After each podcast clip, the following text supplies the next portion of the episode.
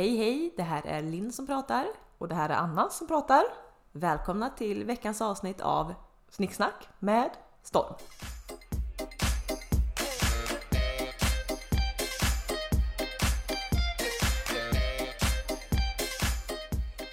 Du, eh, du befinner dig ju i Göteborg nu. Mm. Äntligen! Vi eh, har ju pratat om att jag ska komma ner hela våren ungefär och nu eh, midsommarhelgen så, så hände det. Ja, exakt. Det är lite kul för att eh, ja, midsommarafton eh, firade vi på separata håll men sen kom du ju ner midsommardagen då. Eh, där man trodde att man var lite skakig och bakis. Du var ner ganska tidigt. Det var inte många sömn du fick på, många timmars sömn du fick midsommarafton. Nej, jag insåg det när jag liksom sladdade i säng kring ett snåret på natten att oj, klockan ringer liksom om mindre än fem timmar och då ska jag liksom köra till Skövde för att sen åka tåg. Men det var ju inga konstigheter alls. Och sen är det inte heller svårt tycker jag när man nu går upp på sommarmorgonen, möts av fågelkvitter, klarblå himmel.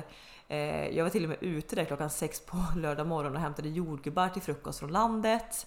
Spelade jättemycket hög musik, liksom ner mot eh, Göteborg. Ja, men det är ju så, jag tycker aldrig att det är jobbigt att gå upp när man vet att man ska gå upp för något kul. Nej, exakt. Och det kan vara att du ska gå upp klockan tre på natten för att du ska hinna med ett flyg utomlands eller att du ska ja, på semester eller du ska liksom bara Nej. iväg på en jäkligt rolig och, dag. Liksom. Och det är också så kul då med hjärnan för att instinktivt när jag vaknar så vet jag att jag är på bra humör. Men innan hjärnan, alltså de här sekunderna som hinner gå innan hjärnan har kopplat varför är jag på bra humör? Vad är det för dag? Vad är det jag ska göra?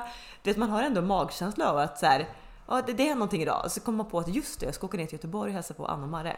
Men är du en sån person, för det kan jag höra ibland folk som vaknar och bara måste känna efter, vad är det för dag, hur mår jag, gör ont? Jag, tänker du på sådana tankar när du vaknar? Eh, typ, typ, är det här en bra dag? Vaknar jag med ångest? Alltså, jag reflekterar nej, men, du över vad jag du har känner? Ju ofta, alltså, jag har ju ofta en känsla precis när jag vaknar. Och då till 90% så är den väldigt liksom bra. Alltså antingen bara helt så här plain, ja men känner inget speciellt. Vissa gånger så är man lite extra euforisk och då är ju, då måste jag tänka efter varför känner jag så här? Ja. Eh, och vissa gånger kan man vakna av med lite så här typ klump i magen och då är det ofta att ja, men då har det varit någon ja, konflikt mellan mig kanske och en viss person eh, som pågår just nu så att det påverkar ens mående lite på dagen. Men eh, jo, jag skulle säga att jag faktiskt reflekterar över hur jag mår. Ja, nej, jag har inte kommit dit. Jag kan, jag kan hålla med att jag kan känna Ja men vissa dagar så, ja, typ det som slår en då när man vaknar är att när klockan ringer och man ska vara en vanlig arbetsdag är att nej vad jag är trött. Det är första känslan och den har vi kanske inte med att det här jag vaknar på ett bra humör eller dåligt humör eller någonting för att den här trötthetskänslan försvinner ju ofta efter ja, några sekunder för min del. Mm. Men sen är det klart att jag kan känna så här att ja, men idag men idag vaknar jag med pepp, eller idag vaknar jag med nej, den känslan. Men jag reflekterar inte ofta så mycket varför. Nej, ja, nej men då, då är det olika. Jag reflekterar alltid varför om det är så att jag känner någon känsla. Men, det, men, men däremot så kan jag göra det ofta under dagen. Jag kan ju så här ja, men typ bara vara på väg någonstans eller någonting och så kan jag känna så att oj, jag är lite pirrig i magen och då måste jag tänka efter varför är det? Var det något jag såg mm. för en halvtimme sedan? Var det något jag kom att tänka på? Var det något besked jag fått under dagen? Varför känner jag den känslan? Och samma sak om det är något åt det negativa, att jag känner åh, klump i magen. Och det kan vara att man fick ett jobbmail man inte ville ha eller det kan ha varit ja. någonting. Men, men jag, tror, jag tror att det är bra att tänka efter varför man känner känslorna, annars så kommer man aldrig lära känna sig själv hur man reagerar i vissa situationer och varför man dras kanske till vissa känslor lättare. Men, men på tal om, vi diskuterade det på nyårsafton, men på midsommaraftons eh, morgon så nämnde jag att jag kommer gå upp si och så tidigt och de bara oj oj vad tidigt så här. Och egentligen för mig, jag kan nog inte, alltså helt handen på hjärtat, så sen jag fick barn, alltså drygt tre år sedan, jag har nog aldrig gått upp eller vaknat senare än, jag tror att halv sju är rekordet på tre år. Oh ja, det är sent. Sent? Nej, nej, nej, det är inte sent skulle jag säga. Men det, men det är, jag har ju heller aldrig varit så nu när jag var när jag är i Göteborg. Idag är det söndag när vi spelar in. Idag vaknade jag liksom runt sjutiden, men sen låg jag ju tyst i vardagsrummet och väntade tills ni kom upp. För jag vet att ni kan ju ändå sova till en ja, men åtta, halv nio. Ja. Och för mig då är det liksom när vi hade ätit frukost och klockan var tio, då är det så här, gud. I mitt normala liv hade jag ju, har ju en halv dag typ gått vid tio. Jo, men det här diskuterar vi, jag och en kollega, för jag, alltså de, den perfekta dygnsrytmen för min del är ju att gå och lägga mig vid eh, 23-tiden och sen gå upp halv åtta, åtta. Om jag inte var beroende av något jobb eller någonting så är det min perfekta dygnsrytm. Och då, eh, min kollega hade ju, hon var gärna uppe till 1-2 och tyckte det var perfekt att vakna vid 9, halv 10. Så man har ju Oj. olika rytm i sig. Och där, där är jag att jag går och lägger mig runt ja, men halv elva och går gärna upp halv sju, sju. Det tycker jag är perfekt. Ja. Perfekt dag. Men frågan är, frågan är om man är så, för när jag var tillsammans, ett, ett ex till mig tyckte ju att allt efter klockan 06.15 eh, en eh, semesterdag, en, eh, en helg eller vad som helst. Att man gick upp efter 06.15 då hade halva dagen gått. Så det, och jag levde ju då i det och blev liksom, du vet, man är ju kameleont. Man, man blir färgad och där och så det, det Ja. tyckte ju du Så jag- också då. Ja, så jag definierar mig som att man fick så här, åh är du en morgon eller kvällsmänniska? Jag, bara, jag är morgonmänniska för jag går upp sex även på en lördag. Medan typ jag inser nu att nej, det är ju inte min perfekta tid. Utan jag går gärna upp vid halv åtta, säg åtta på en helg tycker jag är lagom tid. Och då tänker jag att du, du var ju tillsammans tidigare också med en person som gärna ville gå upp typ 05.30 på en helg. Ja. Och sen hade haft barn som har väckt dig. ja. Så frågan är om du egentligen tycker det är perfekt att gå upp Nej, men jag tänker, halv sju. Ja, men nu ändå när jag lever själv eller så med barnen och tycker fortfarande att det är väldigt perfekt runt halv sju. Jo men det är för att de Halv sju. väcker dig. Du hade, Jo. om du hade levt ett, säg ett halvår, det är inte så att du kan leva två dagar utan dem. För Ja, men jag det- tror det, för nu när man har levt så så länge så har det ju blivit att jag uppskattar verkligen tidiga morgnar. ja, Det, jag, jag, nej men jo, för att okej sen om någon skulle få mig att sova till nio, då kanske jag också blir en sån människa. Men nej, instinktivt nej, ska men jag säga ni, att nej men inte nio. Min, alltså, min nuvarande kille då, han hade ju innan vi träffades, han gick gärna upp vid ja, men runt halv tio, tio på en ledig dag. Det var perfekt enligt han. Så vi har ju mötts någonstans på halva vägen. Jag har ändrat mig från 06.15 eh, och så har vi mötts runt 8. Och det tycker vi båda är ganska bra för då ofta så kommer man igång med dagen, säg att man har hunnit äta frukost och så vid 9 tiden. Det tycker jag är lagom. Jag behöver inte ha ätit frukost och vara klar halv åtta. Nej, men det, ja. där är vi olika. Där är vi olika. Men någonting, om vi bara ska skita i våra sömnproblematik nu. så Vi måste ju ändå, alltså det här. Jag kom ju ner på midsommardagen, vilket var, mycket var ju stängt eh, igår i Göteborg. Men du hade ju ändå bokat lunchernas lunch. Ja men det, det är trevligt. Jag hade bokat, eh, ja men det, det här är ett ställe som vi ja, men, frekvent återkommer till. Det är sån här, vad ska man säga, det är sån trygghet. Man vet vad man får när vi går dit. Det är som, ibland vill man sugen på att testa något nytt och ibland vill man gå tillbaka till, ja men det här liksom är genuint bra i hjärtat. Det, det är ju Levantin, ett ställe som ligger vid Vasastan i Göteborg. Ja.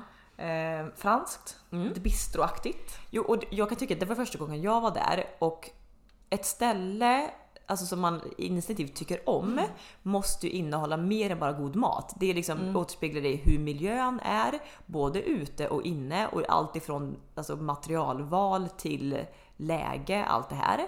Sen är det också självklart service och sen är det då men självklart maten, men en sån grej också bara deras typ toaletter. Jag, när jag gick på toa där uppe, jag tror jag var där uppe på toaletten i typ 10 minuter bara för att suga in inspiration till mitt hus, hur jag vill göra mitt badrum. Och det sätter sån guldkant på en restaurang. Ja. Att man blir så här, Ja men, ja, men restaurangbesök ska ju vara en upplevelse och upplevelse i form av så mycket mer än bara vad du stoppar i munnen. Alltså för dig var det en upplevelse att gå på toa. Ja, Det är en upplevelse att liksom sitta på uteserveringen och se den intilliggande bollbanan, det här liksom, de franska bistrostolarna, ljusslingorna som hänger i, Ja. i grenarna från träden.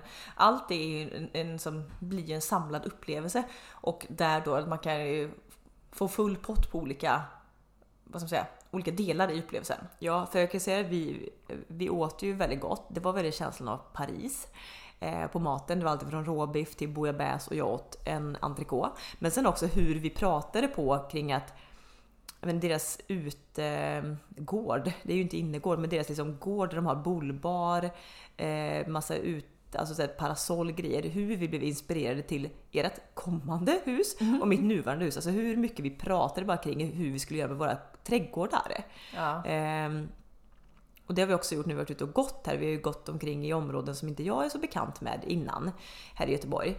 Och blivit blown away av alla vackra hus, trädgårdar, färgsättningar, hur man kan göra med olika terrasser, altaner, stenläggningar.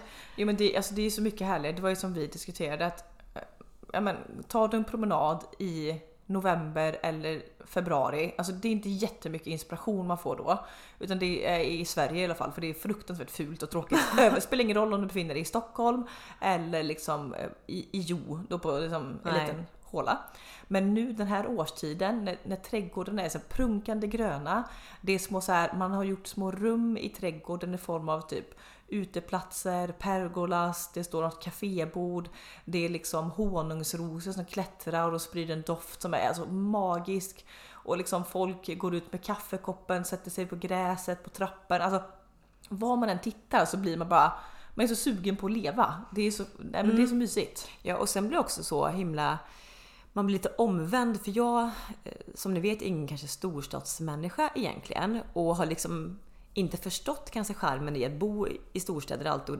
Som turist när man kommer typ till Göteborg och Stockholm så ser man ju bara en väldigt viss del. Men nu tack vare att ni bor här så utforskar man områden som också tillhör centrala Göteborg men som inte känns så inom stationstecken göteborgskt. Nej precis. Och det är också så trevligt att få de här villakvarteren, det här lite så barn i Bullerbyn-känslan och ändå vet sig att man är fem minuter med spårvagn bort från centralstationen. Ja, och på något sätt är det man, så, som jag då som är nyinflyttad till Göteborg som verkligen förstår den charmen och det är därför vi, vi drömmer ju om hus eh, men med dagens prisläge så förstår man att man måste bosätta sig en bit utanför stan för att liksom ens ha möjlighet att, att leva och överleva eh, rent ekonomiskt. Eh, men därför känner jag ingen stress med det nu för det är så som vi bor nu med läget att du liksom når innerstan på fyra minuter med bil. Men du har också alldeles runt hörnet där vi bor så har vi kvarter med liksom vackra hus, prunkande trädgårdar, motionsslingor. Man har liksom det bästa av båda världar. Jo, och Alltså- även alltså mitt i de här villområdena vi var i nu så oj, det där är typ världens mest underbara bageri eller liksom en napolitansk pizzeria ploppar upp där. Så det är ju mer än bara liksom bostadsområden. Det finns ju även där liksom Mm. Ja, men, och det kan jag verkligen se nu, charmen med att bo i en storstad. Jag är så jäkla, alltså på något så här, ibland gör man val i livet som man bara säger det här var 200% meningen, 200% rätt. Och jag kan ju säga det att flytta till... Oj, vänta nu. Ja, vi håller på, ja, vi håller på att koka färskpotatis samtidigt och eh, Anna måste bara gå och sänka plattan lite ännu för nu håller det på att koka över. Också här, eh, Anna nu får jag gapa lite till dig där borta men ni är ju inte berikade med en induktionscell och det här bara att laga mat på en gammal så här, keramikplatta igen. Man får verkligen respekt för för att mattag, alltså matlagningen tar tid.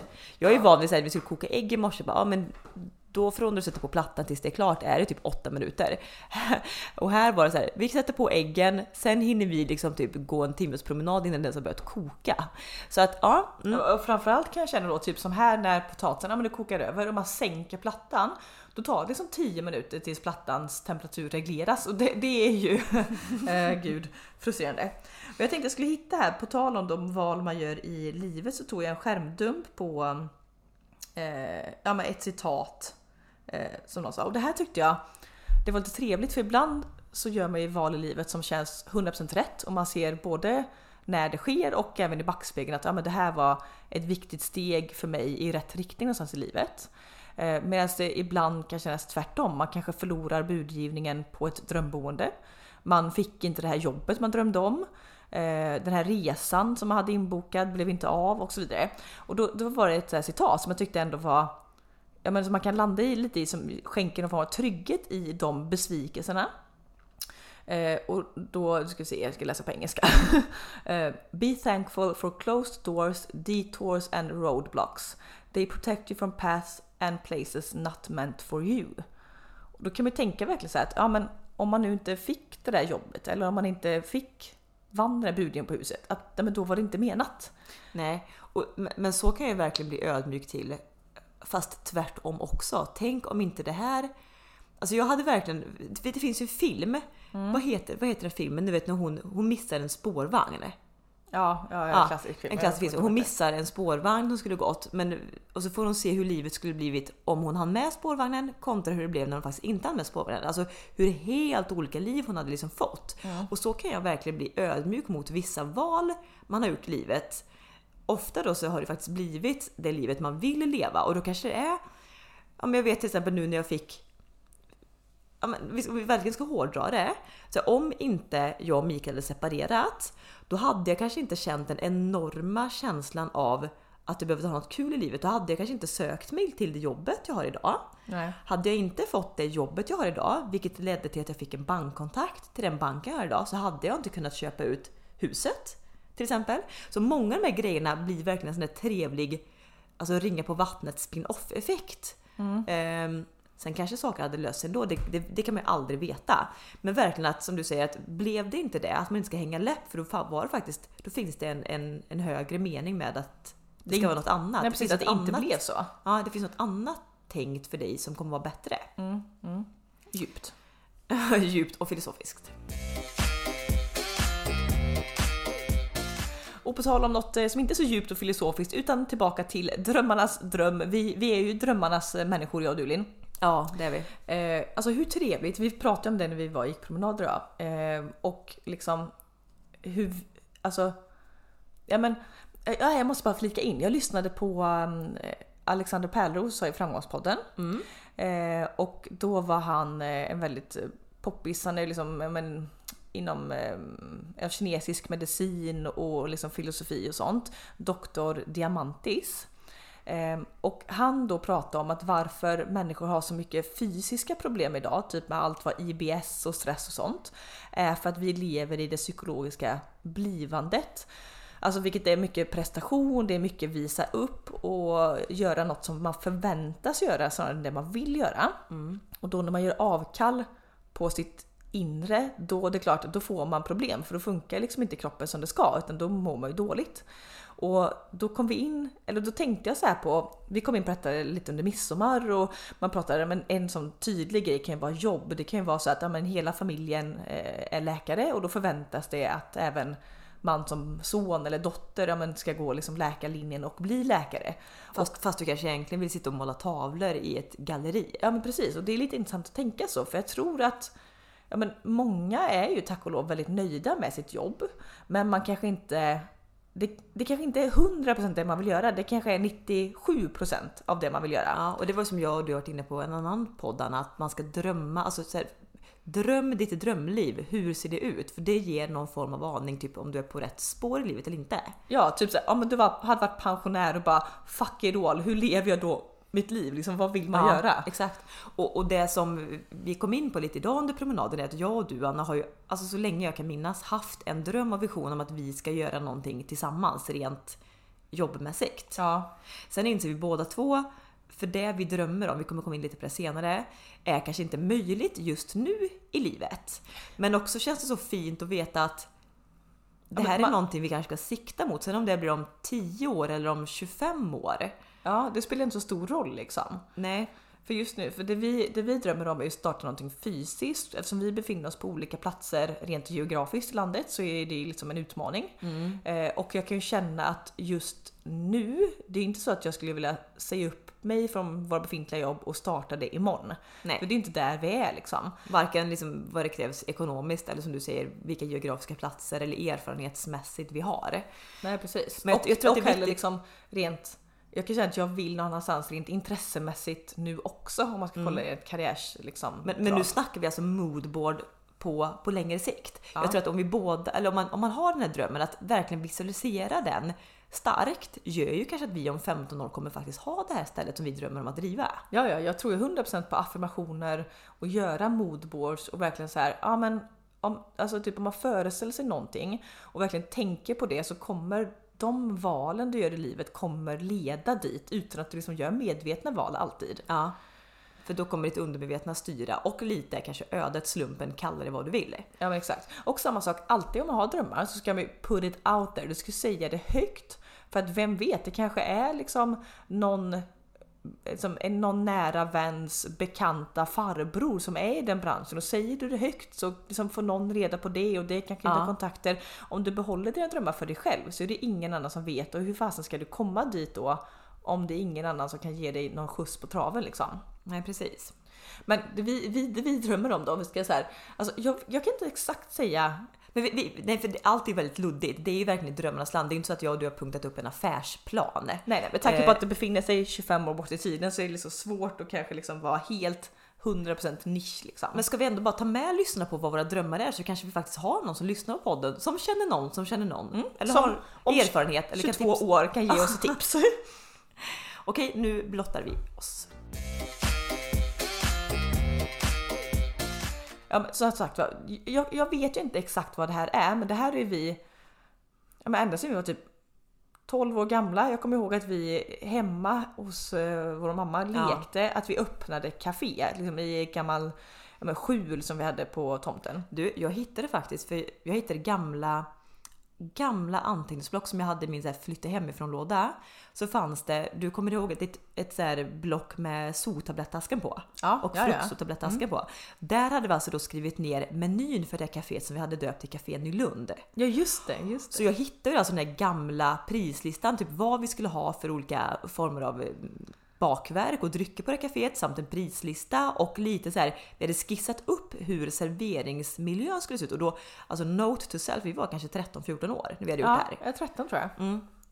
Så, och våran dröm är ju fortfarande att vi ska driva någon form av verksamhet inom restaurang, café, butik. Ja, och alltså precis. De, de tre stora intressena vi har eh, rent på hobbynivå i livet och som är vår passion. Eh, sen tycker jag om så här, Just nu tycker jag om så mycket annat också så att det här, det här är verkligen hobby och jag har ju en rädsla för det nu och börja jobba med det fullt ut för jag är rädd att det ska förta min hobby. Men, men om några år då, då vill man kanske köra på det fullt ut och då är Mm. man så pass gammal så att man liksom, ja men det är kanske det, är det enda roliga man har kvar i livet. Nej, gud sorgligt. Men det är ju, alltså det är tre grejer. Det är mat och dryck, en kategori. Det är vackra ting, Ja. från prylar och det är blommor och Växter. växter. Så det är ju någonstans någon form av, alltså i miniatyr nu, handelsträdgård, kafébutik. Så. Ja precis. Fast väldigt, i väldigt småskalig form. Ja. Det kanske, det, de växter som finns kanske är handplockade buketter. De prylar som finns är liksom en liten hörna med liksom Men med föremål unikt. man plockat in, det köpt Ja. på resor, typ fått in från eh, vintagebutiker i Italien eller liksom här, verkligen handplockade Ja. grejer. Och sen även som jag och du var inne på, vi får ju inspiration från väldigt mycket kring hur bedriver man, eller hur nischar man sig på café restaurangverksamhet. Eh, och det jag och du blivit inspirerade av på ett café som faktiskt ligger här i Göteborg som heter Lilla Sur, är ju att det ligger verkligen i en Ja, men jag tror att det är en gammal lägenhetslokal i ett, liksom en, en bostadsrättsförening som de egentligen har smält upp Ena delen av den här lilla lokalen är ju bageriet. Sen är det verkligen ett hål i väggen. Vi snackar alltså nu kanon till att en person får vara inne där åt gången. Där man öppnar dörren, direkt komma till butiksdisken, man köper man vill ha, man går ut. Så det är ingen servering och det kan det kan tillfredsställa mig på så sätt att det spar ju jäkligt mycket både personalresurser och utrymme att inte behöva handhålla en servering. Det är också väldigt många olika regler som ska in då. Ja eh, Med exakt. tillstånd och diverse. Men det kan jag bedrivas lite av och inspireras av. Samtidigt som var det du Anna som hade hört på någon podd att det finns en restaurang. Det här blir ingen källa för vi kommer inte ihåg vad restaurangen heter eller var den ligger. Men Faktabox noll. Ja, men att den, det fanns liksom ingen meny. Utan du kom in på det här stället, beställde typ ett bord för två och sen lagade kocken alltså mat beroende på vad ett, den var sugen på, två vad den hade hemma och tre hur många gäster det fanns i lokalen. Så det är alltså ingen färdig meny och det här kan jag också tillfredsställas lite av att det, du vet inte som gäst vad som finns. Du kommer dit och blir alltid överraskad. Det finns ingen förväntning att så här, ja men då ska vi köpa det här och så blir man besviken om det inte fanns där utan Nej, för jag, jag kan också tycka att du kanske får jobba upp en, ett rykte och en kundkrets på något Mm. sätt som, som vet att var man än gör så blir det gott och de litar på det. För det, det gäller ju någonstans att liksom, ge trygghet åt kunderna. Så att, Mm. För kommer du till en helt ny restaurang, du har aldrig varit där, det är helt nyöppnad och bara det finns ingen meny, ja, men då kommer ju 10 personer av 10 vända i dörren och gå ut. Exakt, för det, det, det är klassiskt vart du än befinner dig i världen så står man ju och läser menyn antingen innan du ens åker dit, typ på deras Instagram-sida, kollar bilder och så vidare. Ja. Eller så stannar du utanför innan du ens ber om ett bord Ja, och kollar på menyn. Men, men har du byggt upp ett rykte att "Ja, men här är allt jävligt gott och det är ett kul koncept. Då blir det också snabbt förstå hur roligt det är. För det, det är det här som gör att jag inte har gett mig in i mat och dryckesbranschen än. För jag vet att jag skulle tycka att det är fruktansvärt tråkigt att exempelvis jobba som kock. Och bara säga ja, nej men nu gör jag den här liksom eh, pasta carbonaran för 47 miljoner gånger den här veckan på menyn. Jag har ingen inspiration i det. Nej. Men skulle man komma varje dag till jobbet och bara okej, okay, vad finns det för råvaror nu? Vad vi får tag i? Okej, okay, den här dagen så kommer vi langa ut en getostsallad, vi kommer langa ut liksom surdegsbaguetter. Alltså man, man och typ ett, något bakverk. That's Ja. it. Alltså håll det så här, keep it simple och sen även Mm. varje dryckesval, liksom att man jobbar väldigt mycket med roliga spännande grejer. Och det här tror jag, det är som du säger, det är kanske svårt att få de första besökarna dit, men har du väl fått det så kan det nog rulla på som ett extremt spännande koncept. Mm, jag tror i början kanske du får ha en meny. Första liksom, ja, men kanske typ tre grejer som man vet att ah, men här kommer folk tillbaka. Ju mer du jobbar successivt då bara bantar du ner menyn och kör kockens val. Precis. Och, och det gäller, där har vi liksom matdelen. Sen som du sa, vi var inne på, det ska ju inte vara en handelsträdgård i form av att oh, här kan du köpa äppelträd och eh, rabarberplanter i så stora mängder. Nej. Utan så här litet utvalt floristutbud. Och även när det gäller typ möbler eller inredning så blev jag så inspirerad av ett ställe som heter Dacca Boom som ligger söder om Jönköping. Det är alltså två människor som eh, har jobbat som ja, olika chefer på diverse ställen innan som tröttnade en dag och bara for ner typ till mycket Polen, Österrike, eh, Tyskland. Köpte upp alltså i stor utsträckning gammal restauranginredning på så- gamla barer typ i Ungern och liknande. Köpte hem det, fraktade hem till Sverige, kanske la på typ betsade eller la på lite färg och sålde de här skåpen. Jag vet ni, om ni har ungefär samma eh, typ av konton ni följer på Instagram så har ni säkert sett eh, många av deras möbler stående hos kända liksom influencers. Ja, det, är väldigt, det är mycket rustikt liksom. Ja, väldigt stora trä. vitrinskåp. Alltså, jag vet eh, Johanna Bradford, en väldigt känd influencer, har ju Mm. ett jättekänt skåp som har stått just på en bar i Ungern. Men det här lite, och nu ska jag inte ta ner deras grejer, men det är kanske enklare möbler, de har slängt på färg, dubblat priset med 25 000 procent. Eh, och lite den grejen, inte för att man ska ha hutlösa priser, men lite den grejen att verkligen hitta nischade saker som ingen från början vill ha, göra dem vackra och sen bara okej, nej men det finns ingen massproduktion på det här skåpet. Det är ett unikt skåp eller det är en unik tallrik. Du, kan inte köpa en uppsättning på 25 stycken. Nej, och just den här drömmen, det är ju så här, alltså när man pratar om det så det är ju Ja, men det här blir mer en livsstilsgrej. Och det tror jag många som startar den här typen av business upplever att ja, men det här är inget jobb, det är någon livsstil. Och därför kan jag känna så här, ja, men hur mysigt om man är typ, ja, men har plussat 50, du har barn som är så pass vuxna så att de klarar sig själv. Och då, liksom då du driver den här businessen och inte med någon form alls av vinstsyfte eller någonting sånt utan bara för att ja, men det här är det roligaste jag vet, nu ska jag bara leva det här livet. Ja exakt. Och det är väl därför också som både jag och du är eh, lite real- realister och inser att vi kan inte genomföra den här grejen nu. För det kanske inte är en sak som vi kommer kunna... Men kan och kan, jag, jag vill inte göra det Nej, nej, men exakt. liksom... Nej, för först av allt, alltså, vi är inte där i livet överhuvudtaget. Nej. Men bara att ha den här liksom visionen så starkt som vi ändå har haft mer eller mindre, den har ju varit ganska exakt även om typ menyn har Ja, ändrats. exakt, Så ja. konceptet har vi haft i mer än halva våra liv, vilket Ja, är helt sjukt. Gud, tänk vad mysigt. Tänk att öppna sånt där ställe på Gotland. Oj vad trevligt. Ja, ja, för det är ju nästa grej. Var ska den ligga rent geografiskt? Ja, det- är svårt. Man vill ju ändå, det ska ju vara på ett så här. Alltså man tänker ju bara som, man skulle kanske, kanske kunna nischa det som en sommarbusinessverksamhet. Ja. Inte lika trevligt att bedriva det här i november. Nej, nej det är ju inte det. Fast vissa av de här ställena som jag vet att, att ha det under vintertid också otroligt charmigt. Sen då vill ju till att Men då, kan, det- då kanske man vill ha en lite. servering. Om, Jo, om du exakt. har det så... För annars begränsar det också lite. Jag tror ju om vi bara säger småstäder, sommarstäder, där går ju inte väldigt mycket runt på vintern. I Göteborg, men sådana ställen flyger ju även i januari, absolut. Exakt. Du måste, du måste kolla på potatisen. Okej. Ja, jag kan ju prata lite medan Anna häller av potatisen. För er som undrar över våran eh, underbara meny idag till lunch, att man vill ju äta färskpotatis eh, till höger, till vänster, uppifrån, nerifrån. Man vill ju angripa den på alla sätt. Oj. Nu ska vi alltså då mm, göra en eh, hemgjord pyttipanna på, på färskpotatis och diverse andra goda grejer. Alltså är inte det det godaste vi har? Och också så mycket barndom Anna? Jo men färskpotatis överlag det är så gott. Oj så gott. Att äta som sillunch, äta stekt, äta i sallader med lite vinägrett, lite eh, slänga på grillen. Mm, färskpotatis, det finaste vi har. Ja, vi kan ju bara avrunda våra liksom drömmar, flummiga drömmar eh, med att bara ha nischat ut lite vad vi vill. Så om någon har tips på om, så här, om 20 år så kan ni gärna komma med vart ni skulle vilja se att vi startade den här eh, branschen. Var har vi mest chans att lyckas så att säga? Eh, på tal om eh, färskpotatis och sommar då. Ja, det slog ju mig faktiskt eh, tidigare idag att jag har ju bara två veckor kvar till semester. Och jag är så här. Ja, men jag, jag fatt, dels fattar man ju inte vad tiden tar vägen och sen slog det mig bara. Ja, men när vi skulle, jag tänkte på detta för några dagar sedan och tänkte ah, oj, man kanske ska boka upp lite grejer i Sverige och hitta på på sommaren. Alltså vet, det, folk, har sån, folk har sån hysteri va? Det finns inte typ ett enda hotell ledigt i hela Sverige. Nej.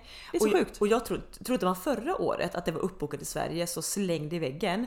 Folk satt ju redan för alltså sommaren 2020 och bokade sommar Sverige semester Ja. 2021. Och då kan jag bli så sur på mig själv. Alltså varför är jag inte en, varför är jag inte en mer planerande människa? Varför satt man inte i januari, bokade upp något fint Airbnb? Man ser influencers nu som hyr hus och på landställen överallt och man bara så här, ja det där kunde man ju också ha gjort. Men vet jag är alltid ute i sista minut när det kommer sånt där. Jag vet och jag kan ändå bli också trött på mig själv för vi är ju ett gäng som har varit i Skåne eh, de flesta somrarna. Samma gäng. Vi brukar ta eh, östsidan vissa år, västsidan andra året. Och vi, vi har samma grej där. Vi sitter varje år, säger vi typ kring jul, att nu sätter vi oss ner och bokar där liksom ett halvår innan. Och då kan jag vara duktig och sitta någon kväll och typ ha uppe tusen flikar på olika Airbnb-moden. Bara du vet, sitta och fönstershoppa dem. Bara titta och sitta, titta, titta, titta. Klicka ner dem och sen klipp till då maj när folk frågar ja men bokade du någonting eller? Nej, det gjorde jag inte och nu är allt fullbokat. Ja exakt, fullbokat och de har tripplat priserna också för de märker att eh, efterfrågan är så stor. Men det här kan ju verkligen bli så. Och visst, jag har verkligen sänkt kraven på de här. Jag kommer ha tre veckors semester nu mitt på sommaren och jag, jag försöker verkligen sänka kraven och lite som vi pratade om att ja, men man behöver inte någonting inbokat varje dag. Jag är verkligen sån att ja, men om det skulle gå tre semesterdagar då jag situationstecken inte gör någonting, då får jag panik och tycker att semestern är bortkastad. Och det här måste jag jobba på mig själv för man ska ju liksom inte behöva hitta på så mycket. Nej, för att ändå semester. Men skulle inte ni förresten iväg med, skulle inte ni iväg med pappas husbil? Låna den några dagar? Ja, men det jag tror vi är... eh, Nej, tror ni har bokat något? Nej, nej. Eller skulle också camp, så glamping? Ja, en, vi har en, en natt på tre veckor och vi bokar sån glampingtält. Det ska dock bli väldigt mysigt. Eh, Vart låg detta? Utanför Borås. Ja, just det. Åh, gud vad trevligt. Ja. Ja. Men just det här att ja, men det hade varit trevligt kanske ta en mer, natt mer någonstans. Men du vet, eh, allt, alltså allt Nej, är fullbokat. Tror, tror du jag heller? Visst, nu, nu jobbar jag hela sommaren och har barnen halvtid så det är inte så lätt. Men jag hade också kunnat bara boka någon natt Ja men någon lördag, helg söndag. liksom. Ja. Men det har jag inte heller gjort. Nej, nej. Och, men då måste jag också försöka påminna mig själv som du säger att inte få panik över att jag liksom Men då undrar jag, bara låter dagarna gå. hur får man inte panik? Alltså inte för sån, men i Sverige är ju det här Alltså sommaren är kort. Det är verkligen Thomas Ledin, yes I hear you. Sommaren är fucking kort. Och vi lever alla för sommaren. Något, alla som säger något annat kan ju bara dra något Nej, gammalt över Alltså sig. när semestern är över och när man märker att det börjar bli mörkt ute klockan åtta på kvällen, då vill jag skjuta skallen av mig. Så, så, så, jag blir så deprimerad så det finns inte. Och att jag då i bagaget ska ha att, ja men hur nyttjade jag den här bästa tiden i livet på året? Nej, vi har satt in i lägenheten och kollat på film. Nej men nej! Nej! Nej, alltså, nej. Jag måste ju göra något och vi som inte har, jag kan köpa, hade vi haft hus eller landställe whatever, då är det ganska gött att bara låta dagarna vara. Man kan flanera runt i trädgården, sippa på en Aperol, du kan liksom ja, bjuda över lite vänner, ta en grill, du kan bara sitta och sola. Livet är ganska enkelt, men bor du i lägenhet utan balkong och inte har några planer, du vet, nej. Men det var ju det vi sa på promenaden. Vi ska ju, vi ska ju sätta oss nu på Hemnet och spana landstället E2. För att vi, in, vi inser att hus i Göteborg med den budgeten, det ligger inte ett år bort. Det är tio år bort. Om inte kommer en finanskris. Nej det, nej, det får vi inte hoppas för jag har ju hus. Jag vill inte ha en finanskris Nej. med höga räntor. Nej tack. Ehm, Nej, eller så också göra, du man ska ju göra, det här har jag gjort tidigare år. För att grejen är så här, om du inte har några planer på sommaren och det skulle då råka fucking fingers crossed vara 30 grader sol. då är det inte svårt. Då, då vill jag typ inte ha något planerat Nej. för då åker man ut och solar, badar, äter glass, alltså typ tar med picknick i parken. Livet är enkelt. Men kommer det tre veckors semester som vi hade förra året, vi var i en vecka roadtrip i Skåne, otrolig. Men förra året så prickade vi in semester i juli. Den varmaste semesterdagen var 16 grader och mulet. Det var varmaste dagen på Ja, tre jag tyckte veckor. så synd om er för det var ju verkligen tokfint i juni, tokfint i augusti. Men den här klassiska industrisemestern som alla slåss om att ha, den var ju med fast i hand den rent tråkigaste vädermässigt. Ja, på 15 år. Ja. Och det hade vi. Och då blir man så här, om du inte har en typ reservlista med saker att göra, då, då blir det platt. Så jag tänker nu att man kanske ska, ja men du vet sån här mellandagsväder liksom. Eh, Att det är, ja men det kanske är 16 grader solmoln. Då måste du ha en lista på typ, jag tänker paddla kajak, baka kanelbullar, Rensa vinden och sälja allt på köp och sälj. Ja, Typ. köra en liten roadtrip. Eh, för att grejen med de här dagarna det är att det lätt går väldigt mycket pengar. För när det är dåligt väder, ja men då kanske du shoppar. För det är det typ man vill göra. Eller Ja, typ, eller, eller boka in då, för ni har ju ändå väldigt många kompisar i Göteborg som bor lite utspritt. Att man bokar in verkligen så här en dag hos varje person och så kör man en hel dag. Att man typ åker ut dit, äter frukost, tar, alltså verkligen så här, som, som vi kommer crasha våra vänner med husning som man säger. Oj, oj, oj, se upp. här kommer Anna och Marre, snyltarna. Ja precis. Ja, vi har ju till och med kompisar som har sagt det. Ja men ni, alltså är inte vi hemma så bara lägger på altanen, ni kan få reservnyckel. Så vi, ja vi kanske kör. Ja, där har ni det gött. Nej, men det gäller verkligen att ha en lista på saker och ting att göra även när det regnar. Om du är en sån rastlös person som jag och du som kan få panik över när dagarna bara går. Jo men du vet, folk kan ju romantisera så här, en regnig sommardag, ja, vi bara ligger inne, ser på serier, äter gott. Du vet, har inte jag liksom kommit utanför dörren och gjort någonting aktivt på en hel dag? Nej, nej men jag blir så deprimerad. Nej, men jag, blir så deprimerad. Nej, men det pratade vi om igår, både jag, du och Marre, att våra, våra både kroppar och hjärnor är dels gjorda för rörelser och någon form av aktivitet på dagen. Ja. Jag, jag kan inte romantisera och sitta inne och kolla på Netflix and chill en hel dag. Det går, Nej. det går inte. Nej, två timmar, sen så Ja. måste jag ut. Nej men verkligen vad ja, men bara så här grejer som att det finns otroligt många fina ställen att promenera på och var så här duktig på det. Nu- Nu är ni ganska det ändå, men så här, packa picknickkorgen imorgon även om det är 10 grader regn. Åk ut till ett område, kanske åk en timme med bil och sen är man där ute i typ Ja. 3-4 timmar, äter lunch med sig ute. Ja, och då fika. typ ta med dunjacka och jeans. För Ja. att det värsta är för när, när man väl får feeling, ja men vi gör en sån grej. Då tänker man ändå så att ja, men jag tar kjolen och stickar tröja och sitter du på klipporna och du fryser häcken av dig och nej, det blir inte trevligt då. Men du, ja kanske skärgårdshoppa lite då. Ja, I dunjacka och picknickkorg. Ja, men varför, varför, varför inte? Ja. Det är västtrafik liksom. Bara ta en dygnsbiljett och åk runt. Jag kände mission nu, två veckor innan semestern, du skriva lista på saker att göra. Vid fint väder behöver man ingen lista, men vid halvdant och dåligt väder, där behövs lista. Men då tycker jag vi gör en lista på sådana saker så kanske vi bara kan lägga upp den på vår Instagram. Ja, absolut.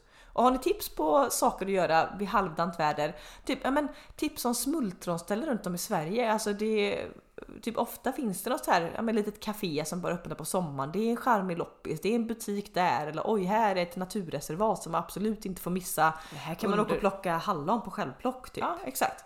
Eh, Hit us up, DM, smultrontips och bucketlist för dåligt väder så ska vi dela med oss av våra bästa tips. Mm, men nu blir det pyttipanna så ha det gött allihopa! Ha det gött då, vi hörs nästa vecka! Hej! Hej.